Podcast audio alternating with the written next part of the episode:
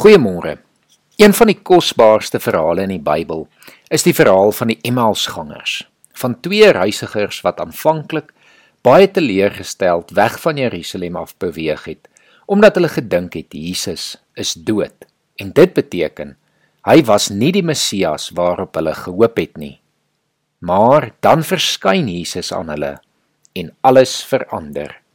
Ek lees graag die verhaal vanoggend vir ons voor uit Lukas 24 vanaf vers 13. Op dieselfde dag was twee van hulle op pad na 'n dorpie met die naam Emmaus, 12 km van Jerusalem af. Hulle was in gesprek met mekaar oor al hierdie dinge wat gebeur het. Terwyl hulle so gesels en gedagtes wissel, het Jesus self nader gekom en met hulle saamgeloop. Maar hulle oë is verhinder om hom te herken.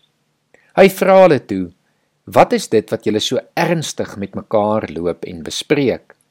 Met somber gesigte gaan hulle staan en een van hulle met die naam Kleopas antwoord hom: "Is u dan die enigste vreemdeling in Jerusalem dat u nie weet van die dinge wat in die afgelope dae daar gebeur het nie?"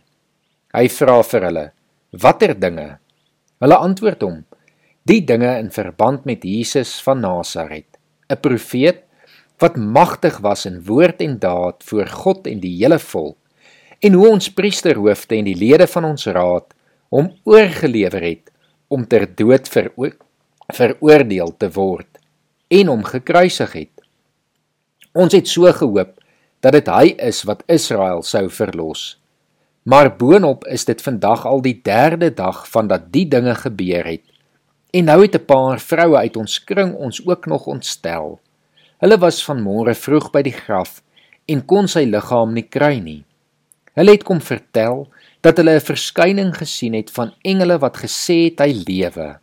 Sommige van ons mense het ook na die graf toe gegaan en dit net so gekry soos die vroue gesê het, maar hom het hulle nie gesien nie. Toe sê hy vir hulle: "Wat 'n gebrek aan begrip en wat 'n traagheid van gees." Glo julle dan nie al die dinge wat die profete gesê het nie?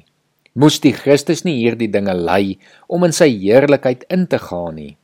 Daarna het hy by Moses en al die profete begin en al die skrifuitsprake wat op hom betrekking het vir hulle uitgelê. Toe hulle by die dorpie aankom waarheen hulle op pad was, het hy gemaak of hy verder wou gaan. Hulle het egter by hom aangedring en gesê: "Bly by ons, want dit is amper aand en die dag is al verby. Toe het hy ingegaan en by hulle oor, om by hulle oor te bly. Terwyl hy saam met hulle aan tafel was, neem hy die brood, vra die seun, breek dit en gee dit vir hulle. Toe gaan hulle oë oop en hulle het hom herken, maar hy het uit hulle gesig verdwyn. Hulle sê toe vir mekaar: "Het ons hart nie warm geword toe hy op die pad met ons gepraat en vir ons die skrif uitgelê het nie. Hulle het dadelik opgestaan en na Jerusalem toe teruggegaan. Daar kry hulle die 11 en die ander mense bymekaar en die sê die Here het regtig opgestaan.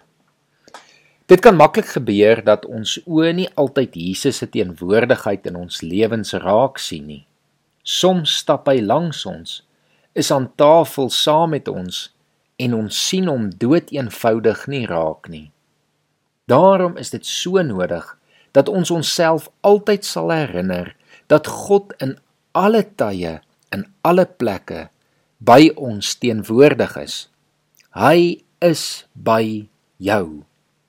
Mag jy vandag bid dat die Here jou oë sal oopmaak en jou bewus sal maak van sy teenwoordigheid in jou lewe. Kom ons bid saam. Here, dankie dat U alomteenwoordig is. Here, dat U elke oomblik van elke dag, waar ook al ons beweeg of gaan, by ons is. Here, ons weet dat ons dikwels besig raak en ons aandag op soveel ander dinge vestig dat ons nie altyd bewus is van die feit dat U by ons is nie. Daarom kom bid ek en vra dat U vandag vir elke luisteraar bewus sal maak van U teenwoordigheid en dat elkeen vandag U sal beleef. Ek bid dit in Jesus se naam. Amen.